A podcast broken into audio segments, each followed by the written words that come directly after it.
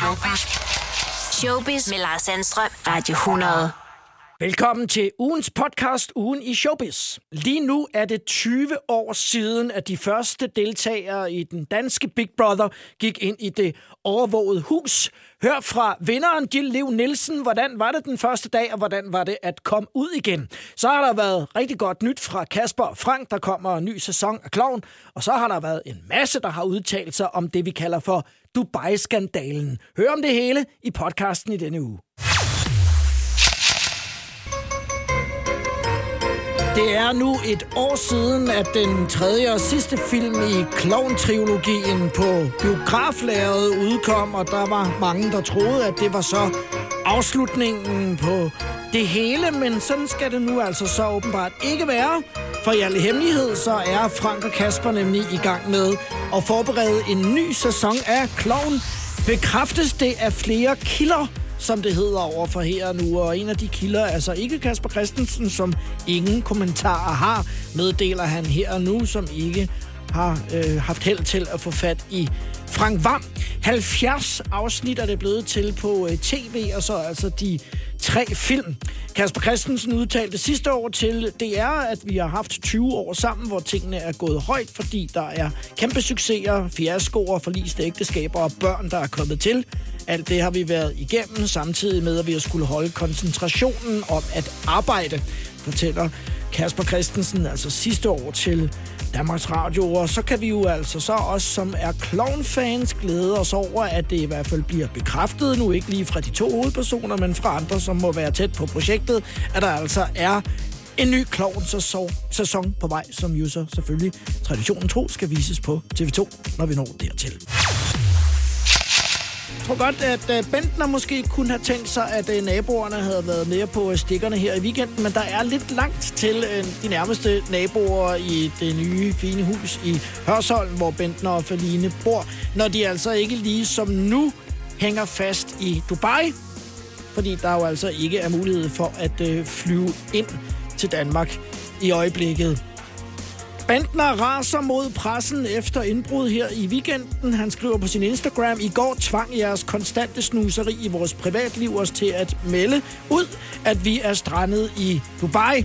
I nat blev der så begået indbrud i vores hus. Håber, I er stolte. Kavlingprisen er hjemme, skriver Bentner i sin story, som han delte med sine følger i går eftermiddags. Vi går jo selvfølgelig ikke at reklamere med, når vi er langt hjemmefra, for det frister de forkerte, men al den ballade, der har været om kendiserne i Dubai, tvang parret til ligesom at skrive, at de hang fast.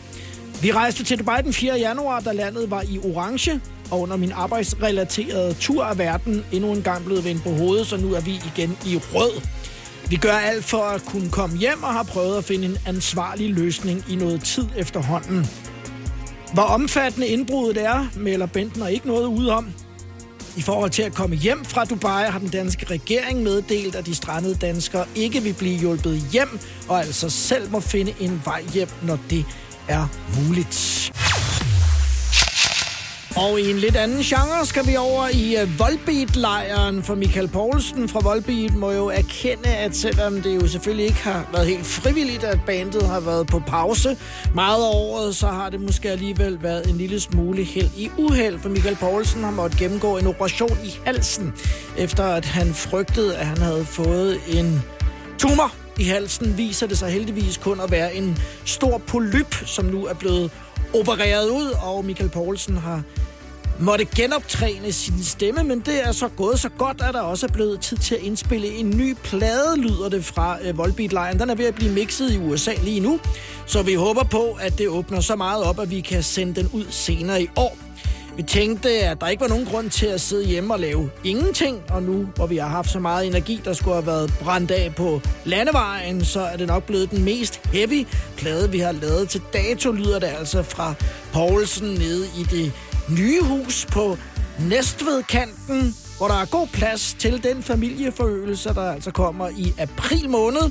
Parret har en øh, pige i forvejen, og denne gang kommer der en dreng, så kan man ikke ønske sig mere, lyder det altså fra Volbeat. Forsangeren, som også uden at løfte sløret for meget, siger, at hvis tingene ligesom kommer til at flaske sig, så vil der være Volbeat shows fra foråret, og altså ny musik på vej. Nyt fra Dubai, som jeg fortalte om tidligere i øh, Showbiz i dag, så har øh, Bentner altså haft indbrud natten til søndag, og det er en øh, konsekvens af, at øh, han og Feline altså på Instagram har været nødt til at øh, erkende, at de altså sidder fast i ørkenstaten lige nu, hvor de er på en arbejdsrelateret tur, og i den forbindelse raser Bentner mod pressen, som siger, at hvis I holdt op med at snage så meget i, hvad vi gik og foretog os, så havde vi været fri for ligesom at melde ud at vi bevandt os øh, langt hjemmefra og altså øh, tiltræk de forkerte typer til at øh, komme og lave indbrud hos os. Elvia Pitsner går i dag ud og fortæller, at nu er hun altså flyttet permanent til øh, Dubai, efter at hun altså også har været i øh, stormens øje øh, de sidste par uger omkring øh, kendiser og influencers ophold i øh, Dubai, er blandt andet også blevet kaldt for en landsforræder. Det synes jeg måske er lige voldsomt nok. Vil ønske, at jeg kunne breake denne nyhed om flytningen med et mere positivt afsæt, men når nu heksejagten allerede er i fuld gang, så kan jeg lige så godt break den nu. Flytningen til Dubai er om sider en realitet, fortæller Elvira Pitsner. Altså, jeg ved, at vi oplever en pandemi, som er hård for alle, men jeg ved også, at jeg ikke er til fare for nogen i Danmark, når jeg ikke bor der længere. Så det her handler ikke om, at jeg er på ferie i Dubai, eller jeg ikke har nogen respekt for den pandemi, vi oplever, eller at jeg prøver at lyve over for nogen, fortæller Elvira Pitsner, som godt nok har sagt, at hun var i sommerhus i Hornbæk, men har nu altså lagt kortene på bordet og siger, at jeg er i Dubai, og det er jeg simpelthen fordi, at jeg er flyttet permanent hertil. Noget, som vi ikke overraskende kommer til at opleve i kommende afsnit af tv-programmet Bare Elvira. Jeg hedder Lars Sandstrøm, og det her er Showbiz-programmet med spot på alt, hvad der rører sig i underholdningsbranchen. Også nogle øh, bemærkelsesværdige hussalg, og det her må jeg så sige i min øh, Showbiz-historie er det vildeste, jeg har hørt om indtil videre. Sly, Sylvester Stallone, har nemlig sat sit palæ i øh, Beverly Hills til salg, og nu er det jo ikke nogen hemmelighed, at øh, Sylvester særligt over de senere år er blevet sværere og sværere at forstå. Han snøvler simpelthen så meget, sådan så at man ikke fatter en bjælle, medmindre at det er tekstheder. Og her kan man måske godt have troet, at man har hørt forkert, da han sagde, hvad han gerne vil have for øh, sin ejendom i Beverly Hills, men den er altså god nok. 800 millioner kroner for, for Slice hjem, som øh, spænder over 20.000 kvadratmeter grund med et kæmpe hus på. Det, det er godt nok også flot, det må jeg så sige, men de billeder, jeg har set. 8 soveværelser og 12 badeværelser, hvilket er en lidt spøjs fordeling. Hvorfor er der flere badeværelser, end der er soveværelser? Men det kan man måske så sige. Så kan der bo flere på nogle af soveværelserne, som gerne vil have hver deres øh, badeværelse. Men 12 badeværelser, det er alligevel en chat, hvis man øh, skal øh, rengøre dem alle sammen. Det er nok ikke ham selv, der gør det. Man får også et øh, fint øh, gæstehus med udsigt over bjerge og by med, og så bliver man altså nabo til blandt andre Denzel Washington, familien Bieber, Justin og Haley, også Eddie Murphy og Mark Wahlberg bor lige i øh, nabolaget, hvor man altså kan øh, købe sig ind, hvis man har penge nok. Jeg tror aldrig nogensinde, jeg har hørt om et hus til 800 millioner kroner. Sly og hans øh, kone flytter til øh, Florida i stedet for. Han er jo også oppe i årene. Og her flytter de ind i en øh, beskeden bolig til bare 213 millioner kroner. Det er øh, vanvittige tal for os almindelige mennesker, men det er alligevel bare en øh, sjov tanke at tænke, at det overhovedet eksisterer. Det gør det. Only in America. Du lytter til Showbiz på Radio 100 med Lars Sandstrøm. Oven på de sidste ugers ballade om kendte influencers tur til ørkenstaten Dubai har Se og Hør stillet spørgsmål til TV2 omkring Pitsner-familien og i særdeleshed Elvira Pitsner, som jo altså som vi kunne høre her i Showbiz i går, har meldt ud, at hun altså er i Dubai med god samvittighed i og med, at hun har bosat sig permanent i ørkenstaten. Dog har hun jo altså de senere uger via sin Instagram fortalt sine mange tusind følgere, at hun befandt sig i et sommerhus i Hornbæk. Det viser jo sig altså ikke at være rigtigt, men som Elvira Pitsner selv har udtalt, nu er heksejagten i fuld gang. En heksejagt, hvor hun blandt andet også er blevet kaldt for en landsforræder. Så nu kan jeg lige så godt break den nu, selvom det ikke er det allerbedste tidspunkt, og med det mest positive afsæt lød det altså fra Elvira Pitsner. Og så jeg hører har spurgt Asger Schönheider, han er redaktør på Diamantfamilien, der vises på Zulu og TV2 Play. Om det får konsekvenser for det fremtidige samarbejde med øh, Pitsner, hun nu altså er taget afsted og dækket over sin coronatur til Ørkenstaten, og om det hele taget kommer til at gå ud over programmerne, at hun så til synlædende bosætter sig nu i Dubai. Og redaktøren på Diamantfamilien svarer tilbage til se og høre, at Diamantfamilien vender tilbage på TV2 Play og Zulu i løbet af foråret, men optagelserne til den kommende sæson er allerede færdiggjort i 2020. Vi tager en sæson af gangen, så hvordan et videre samarbejde ser ud med familien Pitsner, vil fremtiden vise, siger redaktøren altså uden at svare konkret på, om det kommer til at have nogen konsekvens, at Elvira Pitsner nu har været godt fedtet ind i hele Dubai-skandalen. Og som vi lige hørte i nyhederne, og som jeg omtalte i Showbiz i går, så var det altså, i hvert fald i går, kilder, som ikke var nærmere angivet, som fortalte, at der altså er en ny sæson af Klovn på vej til tv. Og det kan jo så også være, at det er derfor, at timingen er sådan, at TV2 altså nu har udsendt en officiel pressemeddelelse om øh, netop det her emne. Der har man nok tænkt, vi, vi må nok hellere sige noget. Og det gør man nu og bekræfter altså, at der kommer en 8. sæson på fjernsynet. Og det handler om to ting, siger Kasper Christensen i pressemeddelelsen, for i går havde han ikke nogen kommentar. For det første har vi det utroligt sjovt, når vi laver klovn. Og for det andet, så var det så uforløst at lukke universet ned, da filmen, altså The Final, den tredje og sidste, blev taget af sidste forår i forbindelse med corona, lyder det altså fra Kasper Christensen i presmeddelelsen. Egentlig meldte vi kun ud, at det var den sidste film. Men med en uh, sæson 8 er vi også stille og roligt gået i gang med at lukke serieuniverset. Og vi satser på at gøre det med maner siger Frank Vam altså i presmeddelelsen, som endelig bekræfter, at der altså kommer en sæson 8 af Klovn, som altså indtil videre stadigvæk kun er ved at blive skrevet og ikke i gang med at blive optaget endnu. Så der går nok lige et lille stykke tid, inden at vi altså kan se den øh, måske sidste sæson af Klovn på fjernsyn. Og fra øh, Sverige til Norge, og helt præcis det norske håndbold-VM-studie, hvor øh, tidligere øh, stor håndboldprofil i Danmark og på landsholdet, Joachim Bolsen, altså er øh, ekspert i, øh, i studiet. Og hør her, hvordan øh, Bolsen får grineflip over nogle af detaljerne i øh, Cairo Quickstep Gate.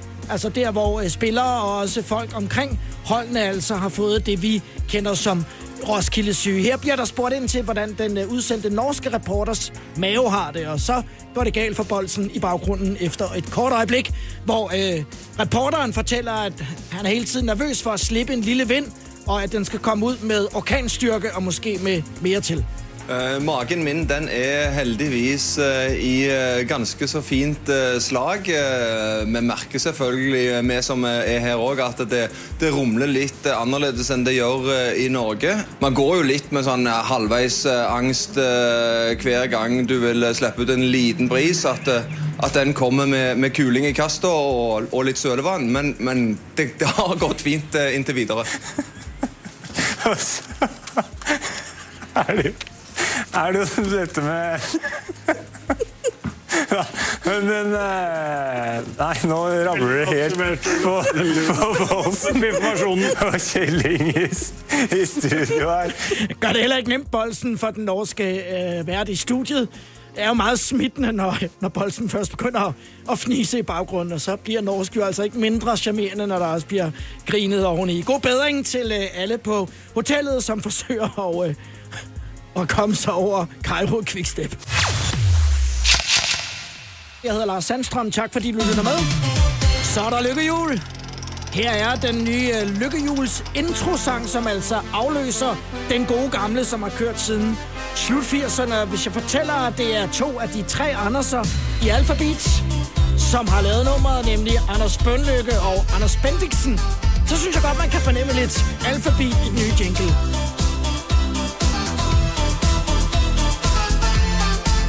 Og det er altså den her, min øh, gamle radiokollega her på stationen, Mikkel Kryer, skal øh, tage imod med, når deltagerne kommer ind for at spænde på det gode gamle lykkehjul. Hvis man har været fans af lykkehjulet i mange år, så kan man da også se det her som en øh, tid til en, en frisk forandring. Selvom øh, alt nyt nogle gange kan være øh, uhyggeligt og skræmmende og foruroligende. Men der er i hvert fald Trouls jingle i den nye sæson af det gode gamle jul.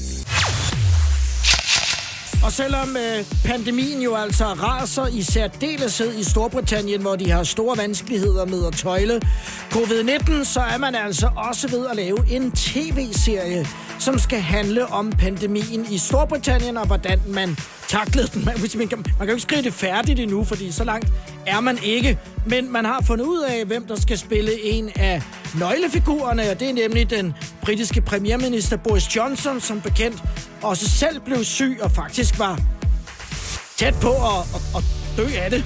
Og det er altså Kenneth Branagh, manden, som vi kender fra et hav af engelske klassedramaer, som han både nogle gange har instrueret, men også har spillet med i rigtig mange af dem. Senest har vi set ham i noget helt andet, nemlig Christopher Nolan-filmen Tenet. Og det er altså øh, Kenneth Branagh, som kommer til at spille Boris Johnson, når man altså når så langt til at begynde at skulle indspille. Man forventer, at serien om den engelske corona-pandemi-håndtering vil blive øh, færdig og få premiere i efteråret 22. Showbiz. Med Lars Sandstrøm. Radio 100. Radio 100, hvor det også er vigtigt, at vi øh, finder de små ting og øh, morer os over i øh, den her tid, og det her synes jeg personligt er, er ret sjovt. Det er Anders Hemmingsen, som har øh, fanget et sjovt comeback på øh, Dan Raklins Facebook, hvor øh, Dan skriver, Elvira Pitsner er flyttet til Dubai, Fie Laversen er blevet muslim, så nu mangler jeg kun at finde ud af, hvad knaldperlen går rundt og laver for tiden. Og efter knaldperlen i kommentarsporet på Dan Ragnens Facebook skriver, jeg går og maler biler på Sundholmens autolakering. Grine smiley. Jamen, øh, det er da godt, at knaldperlen lige tjekker ind, når der nu bliver spurgt efter ham, så vi lige kan finde ud af, hvad han går rundt og laver for tiden. Goddag. Goddag. Det er John Dillermand. Goddag, John Dillermand, som altså har fået mange nysgerrige danskere til skærmene ifølge en opgørelse fra Danmarks Radio bragt hos Berlingske. Fortæller tallene, at indtil torsdag i sidste uge, så er det første afsnit af John Dillermand blevet set online 550.000 gange. De øvrige otte afsnit, der ligger tilgængelige, har alle seertal mellem 2 og 400.000, og det er altså seertal, som svarer til blandt andet programmer som Aftenshowet og Lægenspor. Det har jo nok været den øh, voldsomme debat om seksualisering af børnetv, og noget, der er helt ude af trit med kønsdebatten, der har gjort, at en del af os har været nysgerrige for at komme ind og se, hvad er der med den dillermand. Så øh, dillermanden har gode seertal. Og andre lande kigger også på dillermanden for at se, om det kunne være noget, som man kunne bruge i deres markeder. Han kan jo redde hele verden med dilleren, hvis han altså bare får lov. Lige nu der skal vi til uh, Dubai, hvor Tina Lund blander sig i debatten. Hun forstår nemlig ikke behovet for at svine folk til, blot fordi de rejser til Dubai for at få et afbræk fra de danske coronarestriktioner. Hvis folk tager hernede på ferie og tager en test, og den er negativ, så har de vel ikke rigtig gjort noget forkert, siger øh, springrytteren og øh, TV3-kendisen fra Forsidefruer. Alligevel bliver Tina Lund, som jo altså godt nok bor i Dubai, alligevel mødt med kritik på Instagram, hver gang hun har delt et billede fra ørkenstaten, og her beskyldes hun for at være egoistisk og hensynsløs og bidrage til en øget smitterisiko ved at krydse landegrænser. Men jeg bor her jo, så jeg gør absolut intet forkert. Jeg passer bare mit arbejde, siger Tina Lund. Jeg kan da godt forstå, at nogen er trætte af, at de sidder derhjemme og passer på, og pludselig er der en procentdel af Danmark, der fester løs i Dubai. Men man har vel gjort sit bedste, når man har taget en test, tænker jeg, siger Tina Lund altså til den igangværende Dubai-debat. Du lytter til Showbiz på Radio 100 med Lars Sandstrøm. Og min praktikant Maria Dalby Kamper. Maria, det er jo øh, onsdag i sidste uge, at der var indsættelse af Biden og Harris i øh, Washington. Og øh, så gik ja. der ikke lang tid før, at de første memes begyndte at komme med øh, Bernie Sanders og hans Nej. luffer og, og klapstol. Uh, har du set nogle skægge? Fordi jeg tænker også, at dine venner og alle mulige andre, du følger på de sociale medier, har lavet nogle sjove nogle. Ja, ej, jeg tror, en af de sjoveste, jeg har set, det er nok faktisk, fordi han sidder med hænderne sådan ligesom over kryds. så ligner det lidt, at han godt kunne have danset øh, Gangnam Style-dansen, landeplan der fra 2012.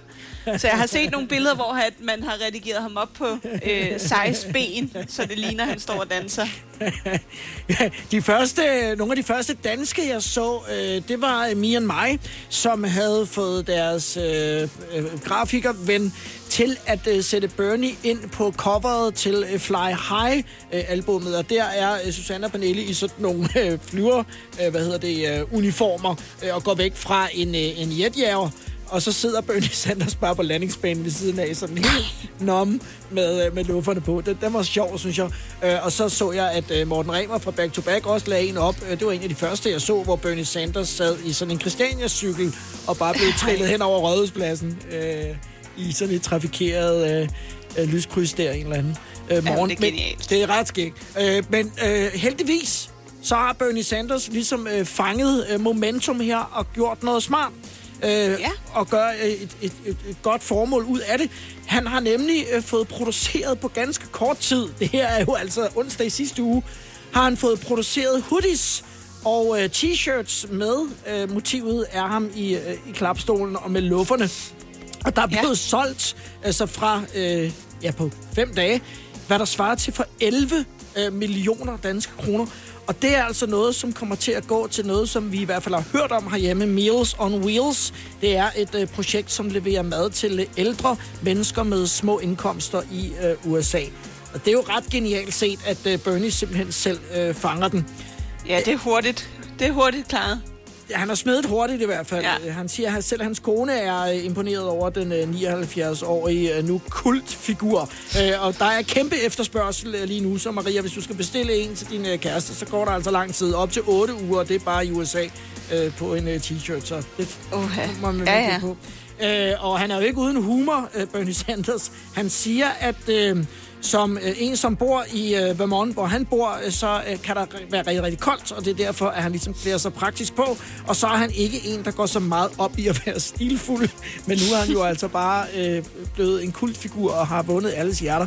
Og har jo altså også nu bare fundet måden at øh, generere en hel masse penge til et velgørende formål. Godt gået, Bernie. Der var en gang for 20 år siden, at en masse intetanende unge mennesker blev lukket ind i et øh, hus med en hel masse kameraer. Og øh, med mig er vinderen af sæson 1, Jill Liv Nielsen. Hej Jill.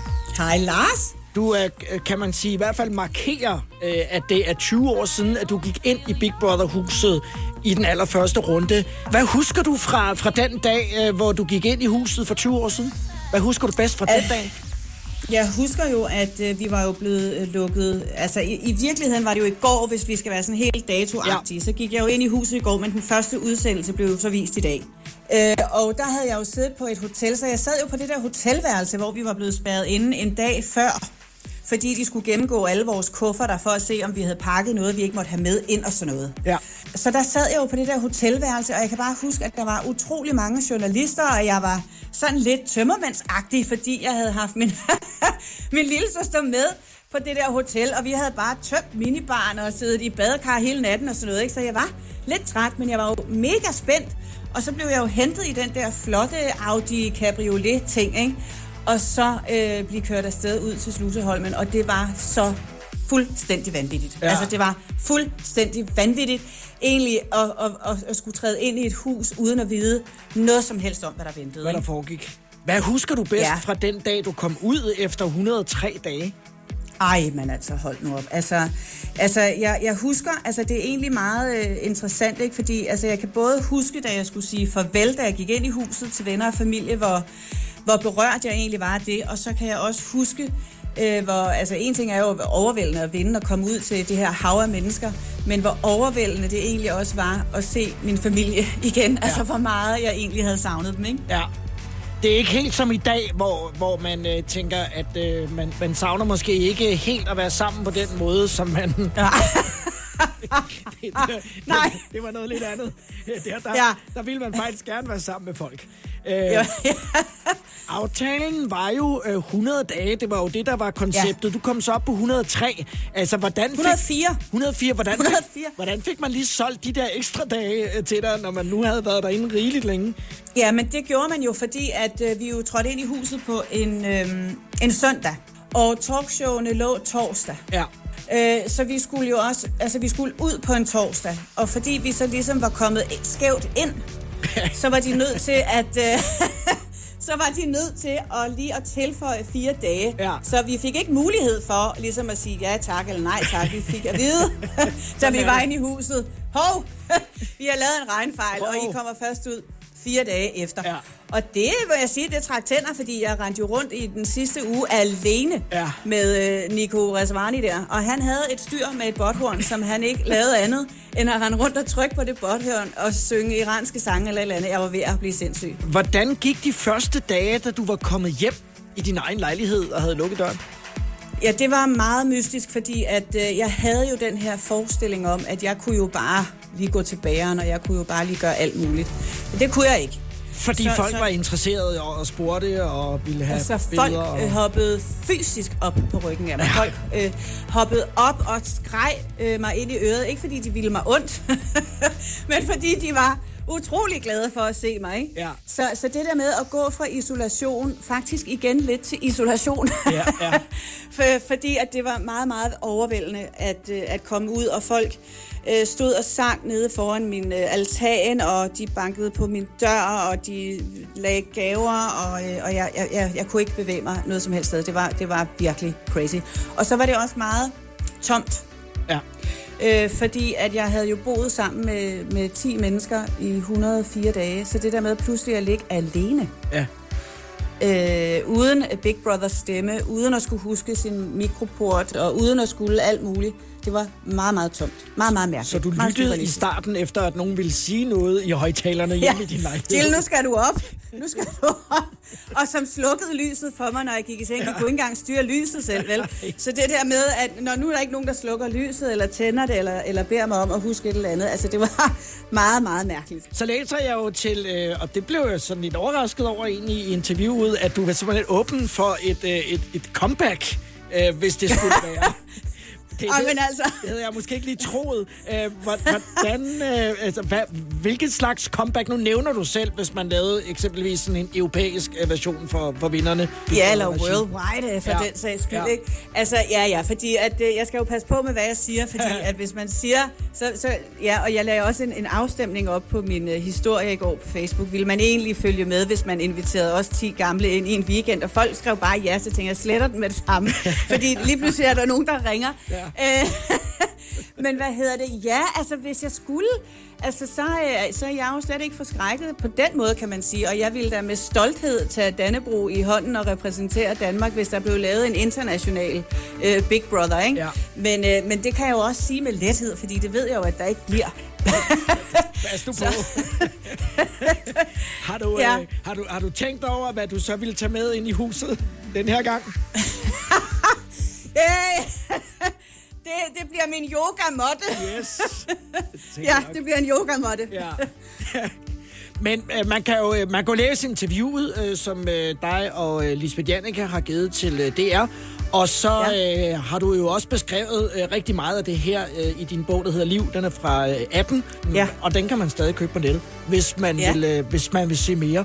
Jill, tillykke med, øh, med 20 års øh, jubilæet, og øh, hold, hold øh, humøret og modet oppe.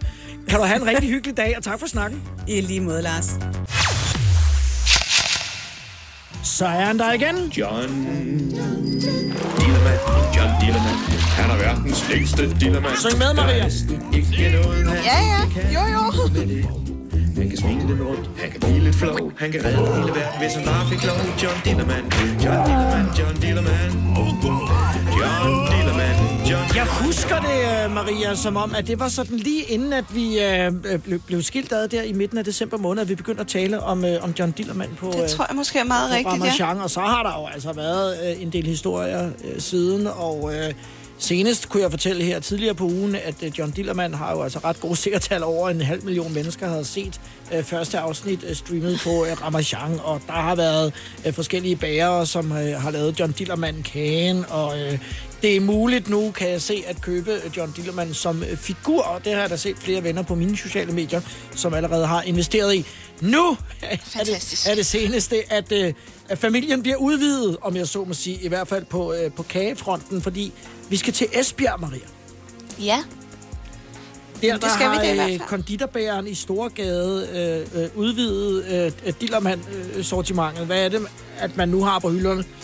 Jamen altså, nu kan du også få Pia Plastikpat, Lone Tissekone og Centimeterpeter. Som må øh, siges at være øh, John Dillermands øh, fædre og øh, kusiner, i hvert fald sådan i, øh, i kageform. Øh, ja. så, så, det har været en succes, det her med at sælge en øh, nogle steder halvanden meter lang Øh, øh, kanelstangsagtig John Dillermand-kage. Øh, øh, så øh, som de siger nede i forretningen, vi er ved alle at, at være bundtrætte af corona. Her har vi da noget, der giver folk lidt sjov og lidt at smile af. Det er fint, synes jeg, siger den øh, opfindsomme bærer, som hedder Leila, øh, som øh, sammen med sin datter har øh, lavet de her nye skægge kager, det udtaler hun til øh, Jyske Vestkysten. Så øh, hvis man altså er på øh, Esbjerg-kanten og øh, er kagesulten, ja, vi vil alle sammen efterhånden er sulten efter hvad som helst, så kan man altså øh, sætte tænderne i øh, Pia Plastikpat, ind, indtil at der er nogen, der måske så synes, det er for meget. Ja. Men, men tænker du ikke, er det ikke, er det ikke meget sjovt og, øh, og harmløst det her, Maria? Jo, jeg synes, det er fantastisk, at Lone er vellignende med en piercing og det hele. Det synes jeg er så fint. Ja, det har jeg også tænkt lidt over det der. Øh, det er jo så øh, Lone Tissekone, som er vellignende. Vellignende med hvad? Altså en, en kvinde øh, med, øh, med piercing og det hele. Og så er der øh, nogle detaljer omkring noget rød glasur, udformet ja. som marcipan. Så kan man selv ligesom danne sig billederne derfra. How long before I go insane? Maria, øh, Ja. som er min praktikant, som er med på, på linjen her i, øh, i programmet i dag. Øh, kan, kan du mærke også nogle gange, hvordan du har fået sådan et kulder af at være hjemme i, øh, i lejligheden i øh, Åh, Lyngby ja. her? Ej, ja, det kan jeg. Helt sikkert. Hvad, hvad gør du så for ligesom at få øh, afløb for øh, frustrationerne, eller hvis du bliver irriteret eller ked af det, eller resten? Jeg går faktisk rigtig mange ture. jeg går udenfor for at få noget luft, for noget frisk ilt. Det tror jeg er det bedste, når man bor i sådan en lille lejlighed. Ja, det er vist bedre end det, end det jeg gør. Altså, fordi nu kan jeg lige så godt bare lægge terningerne øh, på bordet og sige, at øh, jeg øh, af og til simpelthen drikker mig halvberuset på, på hverdagsaften for at kunne holde, for at kunne holde tilværelsen ud. Øh, og det kan jeg lige så godt være ærlig at sige. Så og det er den ene ting, jeg gør, og jeg løber også en masse ture. Men så øh, laver jeg sådan nogle øh, opslag af og til øh, på Facebook, Øh, Ja. Hvor jeg så øh, her forleden dag, så lavede jeg et opslag, hvor det så ud som om, at jeg havde lært at strikke.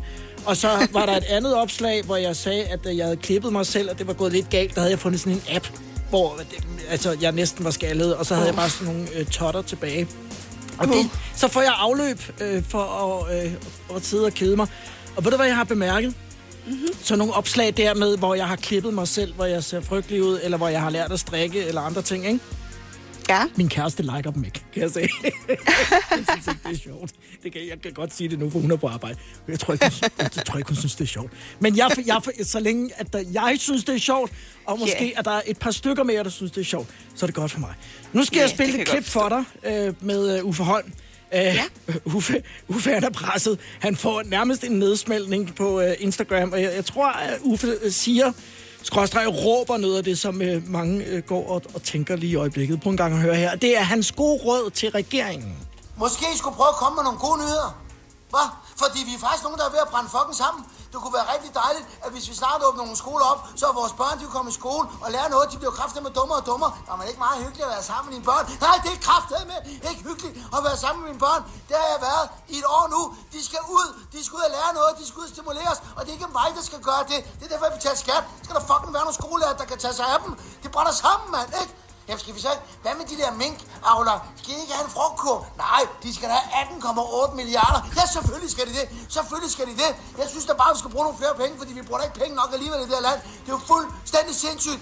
Der er 8, der er smittet på landsplan. Måske 9, måske 41. Jeg ved ikke. Det er okay. Det er okay. Åbn nu bare lortet op. Kan vi ikke bare gøre det? Kom nu. Kom nu. råber Uffe altså på sin uh, Instagram, og det er, det er der rigtig mange, som uh, godt kan lide. Og det, det er som måden, Uffe kommer af med uh, frustrationerne på i, uh, i det her tilfælde. Men ja, det, Ja. det lyder... Jamen, Uh, der er der nogle pointer. Ja, der er, nogle, der er nogle pointer i det, som uh, man i hvert fald kan uh, tænke over. Uffe Holm i Showbiz. Det var ugen i Showbiz-podcasten i denne uge. Husk at lytte med på programmet mandag til torsdag fra 14 til 18 med alle nyhederne fra underholdningsbranchen herhjemme og i udlandet. Tak fordi du lyttede med. Showbiz med Lars Sandstrøm. Radio 100.